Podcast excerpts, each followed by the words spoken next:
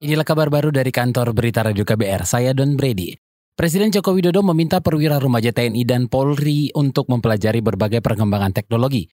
Jokowi menilai tantangan pertahanan dan bentuk kejahatan akan terus berkembang di masa datang, termasuk kejahatan di bidang teknologi. Sehingga TNI dan Polri juga harus bersiap menghadapi tantangan itu agar keamanan masyarakat selalu terjamin. Karena tantangan yang sudah sangat berubah, maka cara kita menghadapi tantangan dan masalah juga harus berubah. Cara-cara dan model-model lama tidak bisa kita lanjutkan. Tidak ada pilihan lain bahwa kita harus cepat, kita harus fleksibel, kita harus cerdik, kita harus semakin menguasai ilmu pengetahuan dan teknologi. Saudara-saudara juga harus mengikuti dan mengejar perkembangan zaman. Presiden Jokowi mengatakan revolusi industri 4.0 akan mendorong berbagai teknologi berkembang dengan cepat yang tentunya menimbulkan berbagai risiko baik di bidang kemiliteran dan kepolisian. Jokowi menambahkan kemunculan teknologi baru harus direspon dengan cepat dan cerdas, sehingga perwira sebagai bagian sumber daya manusia di TNI dan Polri harus terus belajar menguasai ilmu pengetahuan dan teknologi tersebut untuk menjaga kedaulatan dan martabat negara.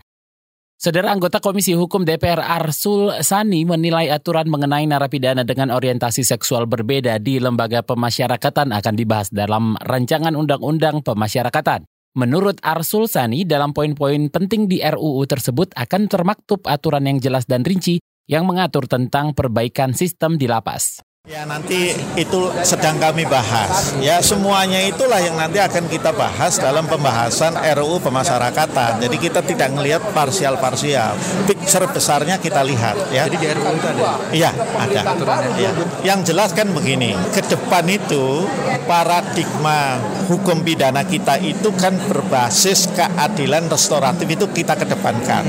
Ya tidak lagi keadilan retributif atau distributif. Anggota Komisi Hukum DPR dari fraksi P3 Arsul Sani menambahkan ke depan pemerintah akan mengedepankan keadilan yang berbasis restoratif atau pemecahan solusi bersama. Arsul berharap RUU permasyarakatan dapat menjawab permasalahan yang selalu muncul dalam pengelolaan lapas. Sebelumnya Ditjen Pas Kemenkumham ia menyatakan akan mengisolasi narapidana dengan orientasi seksual menyimpang ke kamar khusus agar tidak menularkan perilaku seksualnya kepada narapidana lainnya di lapas.